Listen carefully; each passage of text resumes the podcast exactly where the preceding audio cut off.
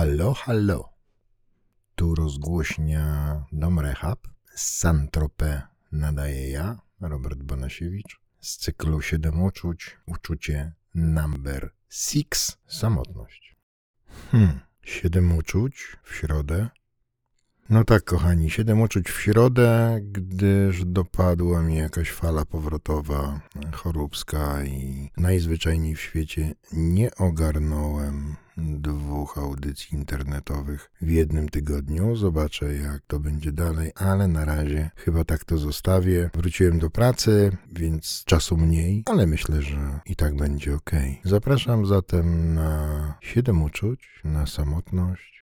Pozdrawiam Was z tej górki. Mam nadzieję, że u Was wszystko w porządku, że jakoś opieracie się zagrożeniom pandemiczno-schizofrenicznym. Pozdrawia Was także pani Monika. Robert Banasiewicz, terapeuta i pedagog. W terapii pracuje od 2004 roku. Jest absolwentem Olsztyńskiej Uczelni i Lubelskiego Kulu. Jako ekspert uczestniczył w audycjach radiowych i telewizyjnych nadawanych m.in. w rozgłośni TOK FM, Radiu Olsztyn czy programie drugim Telewizji Polskiej – zainspirowany książką Wiktora Osiatyńskiego pod tytułem Rehab, stworzył w 2016 roku prywatny dom terapeutyczny Rehab. Jak sam mówi, każdy jest wystarczająco dobry, żeby zmienić swoje życie dowolnie i w każdym momencie. Dziękuję Pani Moniko, jak zwykle. Bardzo to miłe. Samotność samotność. Rysiek mówił, że to taka straszna trwoga. Nie wiem o jakiej samotności mówił Ryszard, śpiewał był. Ja mam na myśli bardziej taką samotność dojmującą, głębokie i przerażające uczucie osamotnienia.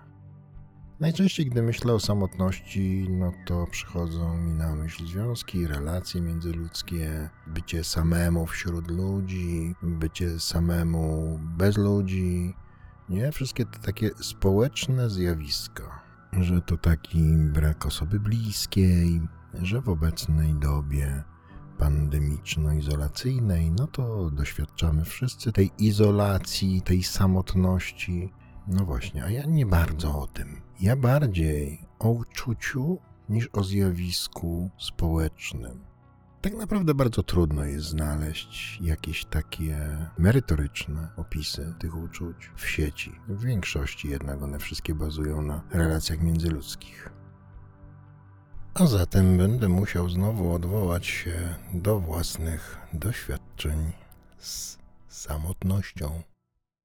Kiedy ono się pojawia? Ono się we mnie pojawia bardzo często i od bardzo, bardzo dawna. Tak reaguje na otaczającą rzeczywistość w sytuacjach bardzo trudnych. Na przykład w sytuacji zranienia, w sytuacji jakiejś niesprawiedliwości albo poczucia niesprawiedliwości. To są rzeczy takie, które powodują, że ja natychmiast czuję się strasznie osamotniony. Nawet wtedy, kiedy ludzie dają mi wyraz, że są ze mną, że są blisko, to ja i tak mam to uczucie. Mam nadzieję, że teraz, kiedy o tym mówię, być może w kimś odzywa się to takie, o kurczę, też to mam. Bo raczej o czymś takim chciałbym e, powiedzieć. Bo to, czym ja się zajmuję i to, co ma związek z siedmioma uczuciami pana Koterskiego, w ogóle całe Saint-Tropez i dom Rehab i cała filozofia tego domu, oparta jest na reakcji na otaczającą rzeczywistość, mojej reakcji na otaczającą rzeczywistość.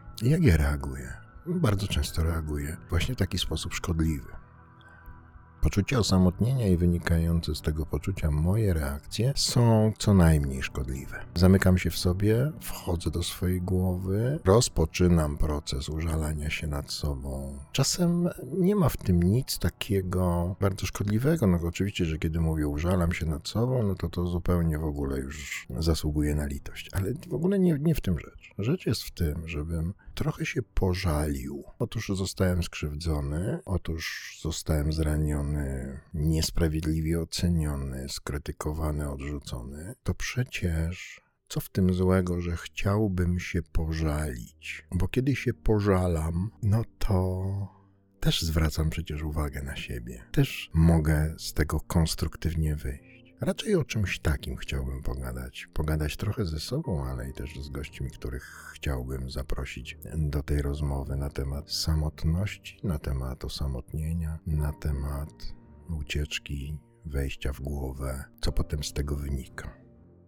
Czy umiem radzić sobie z samotnością, z uczuciem osamotnienia? Nie bardzo. Początkowo to uczucie jest przyjemne, potem, jak wiele uczuć, które mają taki potencjał przejmujących kontrolę nad moim życiem, nad moimi zachowaniami, także i to uczucie tę kontrolę przejmuje, no i wtedy jest niefajnie. Wtedy ja potrzebuję innych ludzi tu zaczynam wchodzić w korelację z samotnością jako zjawiskiem społecznym. Moje długie przebywanie we własnej głowie kończy się źle, kończy się pozostaniem w tej głowie i przechodzi z trybu uczucie w tryb społecznego zjawiska. Czyli unikam, wycofuję się z relacji, zapadam się coraz głębiej, czasem ranię też innych ludzi, czasem zrażam ich do siebie, prowokując odrzucenie i takie różne, różne, różne wszystkie te zaburzenia, z którymi ja pracuję, zmagam się ze sobą, ale i w, znaczy zmagam się w sobie, ale i z, zmagam się w innych ludziach. One wszystkie bazują przecież na przewrażliwieniu na własnym punkcie. To brzmi od razu słabo, przewrażliwienie na własnym punkcie, jakby zasługiwało na krytykę, ale ja mam nadzieję, że już kumacie to, że tu nie chodzi o to, żeby skrytykować czyjeś zachowanie, czy moje zachowanie, czy moją tendencję, tylko żeby skumać, że to jest składowa. Czyli żebym nie wszedł w obszar zjawiska społecznego. Na poziomie emocjonalnym szukam relacji z ludźmi. Chciałbym, żeby to była prawda i chciałbym tutaj błysnąć taką umiejętnością coachingową, po polsku trenerską, ale nie jestem w stanie, tak mam powiedzieć. Najczęściej jest tak, że to te relacje mnie znajdują, wywlekają mnie za mordę z tego osamotnienia w mojej głowie, zmuszając mnie do podjęcia bardzo konkretnych działań. Najczęściej relacje międzyludzkie są w osobie mojej żony. To ona za mordę w ten czy w inny sposób wywleka mnie z mojej głowy i z mojej skłonności, tendencji do użalania się. Bo dopóki się żala, okej, wszystko gra, jak przejdę już na, na poziom użalania, to jest trochę gorzej. No i muszę zacząć ułożyć jakiś taki plan. Dobra, pójdę do ptaków, pójdę z psami, pójdę, dobra, obrażę się, trzasnę drzwiami. Ale to wszystko są reakcje już, tak? Jak już są reakcje, już jest dobrze. Najgorszy jest ten stan takiego otępienia takiego przytłoczenia, takiego przywalenia głazem i siedzenia na kanapie i ta niemożność powstania, ten żal, który do tego się dołącza, smutek. I już mi jest dużo ciężej, więc ruszam się. Zmień dynamikę, zmieniam dynamikę. Jak siedzisz, to wstań, jak stoisz, to siądź, jak leżysz, to na Boga róż dupę i zerwij się i zobacz, co możesz zmienić, czyli spójrz w siebie, zajrzyj do, do środka, co możesz zmienić. Jak możesz coś zmienić, to to zmień, ale jak nie możesz, to się odpieprz. Nie? Idź, to coś tam przesuń nogą w garażu albo w innej komórce, tylko żeby nie za dużo, bo skłonność ta moja taka w głowie jest, jest ten ruch ku nadmiarowości. I jak już zaczynam działać, to już zaczynam sobie stawiać takie wyzwania, stawiam sobie cele, stawiam sobie takie punkty do osiągnięcia i nagle się okazuje, że one są takie strasznie wielkie i ja nie jestem w stanie ich osiągnąć. I znów zapadam się w to, co znam. W to błogie, acz niszczące osamotnienie. Do tej dzisiejszej krótkiej audycji internetowej zaprosiłem Rafała i Andrzeja. Posłuchajmy ich doświadczeń. Puk, puk, halo. Dzień dobry. Jakbyście mogli panowie po kolei albo i cuzamen do kupy opowiedzieć o uczuciu samotności, o doświadczaniu samotności kiedyś, dzisiaj. Jak to jest u was? Macie takie doświadczenia?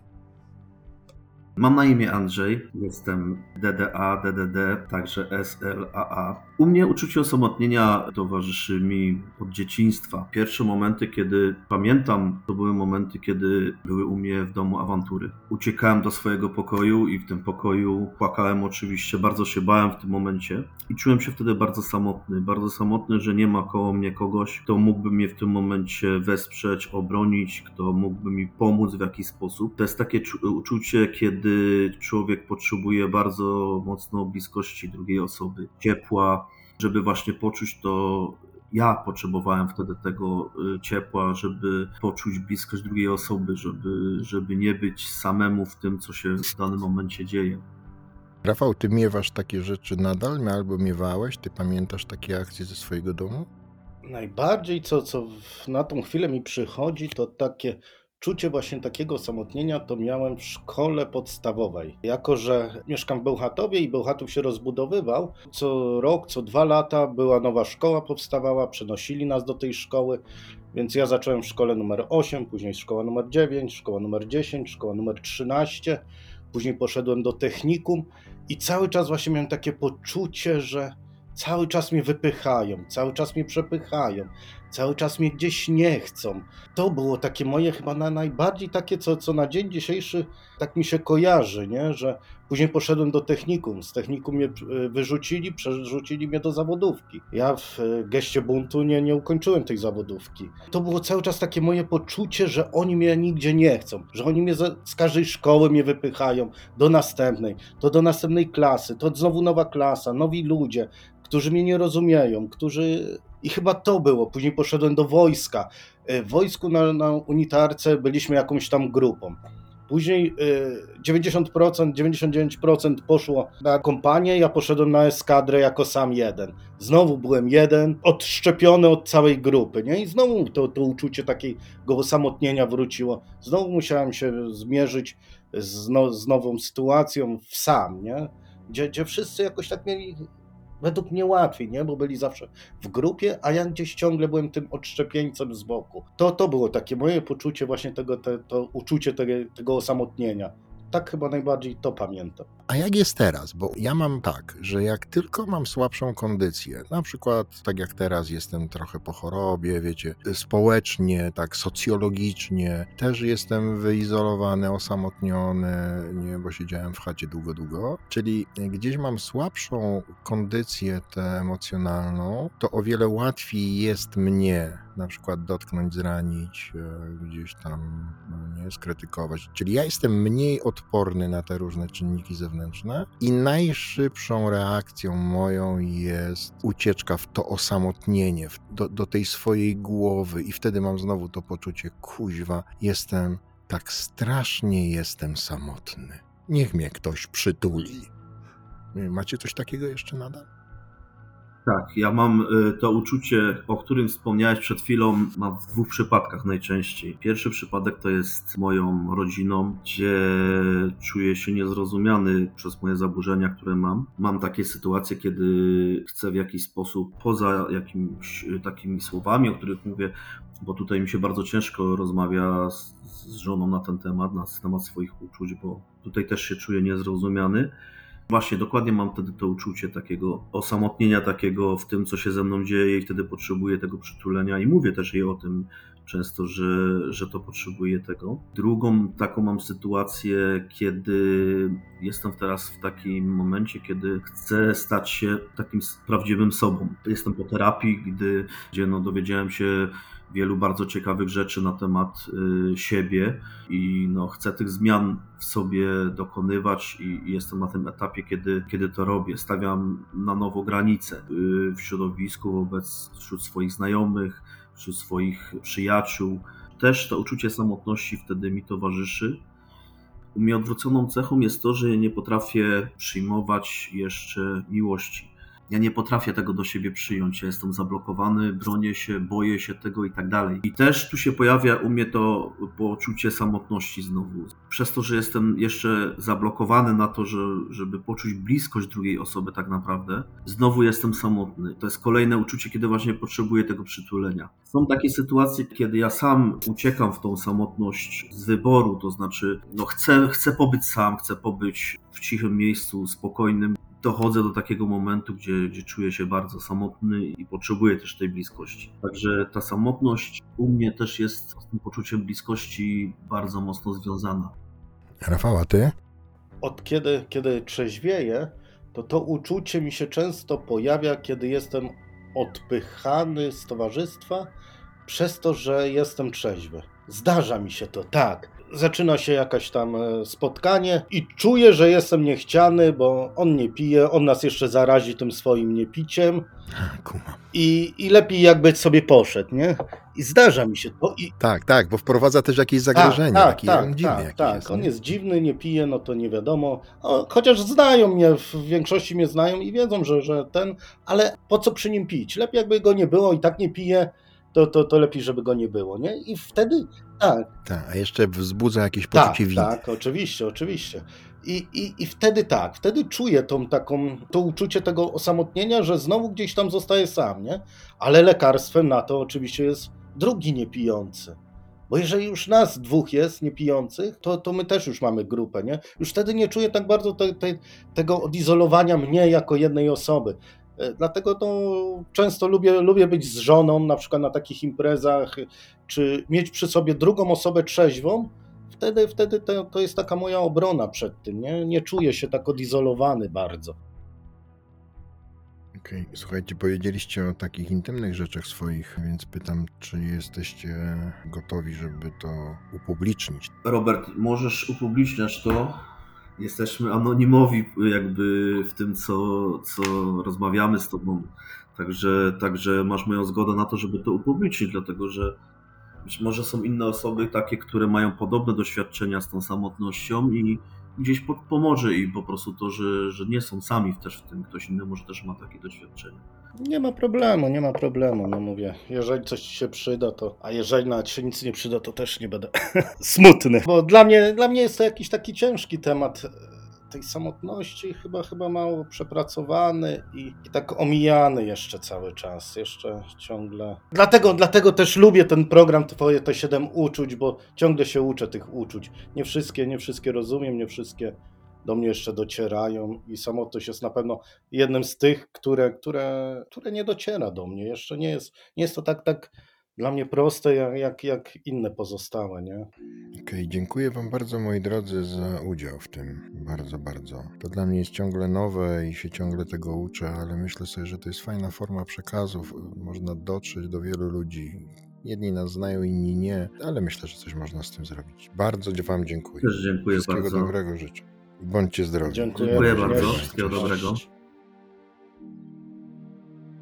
No i porozmawialiśmy sobie z Rafałem i z Andrzejem o samotności, o poczuciu samotności, o doświadczeniu samotności, ale też o radzeniu sobie z samotnością, czyli o wychodzeniu do ludzi, o stawianiu sobie zadań, o realizacji tych zadań, o tym, żeby nie siedzieć w jednym miejscu, nie czekać, aż to się rozwinie do jakiejś takiej formy, która potem już będzie trudna do ogarnięcia.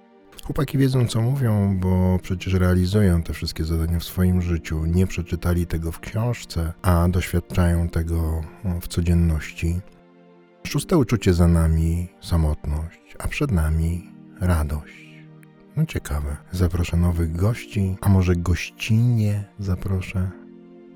Bądźcie zdrowi. Bądźcie zdrowi wy tam przy odbiorniku komputerach. Ja postaram się być zdrowy tu w okolicach Sitka i Saint-Tropez z całym tym domem. Pozdrawiam Was i macham do Was radośnie i kompletnie niesamotnie. Bye bye, Robert Banasiewicz.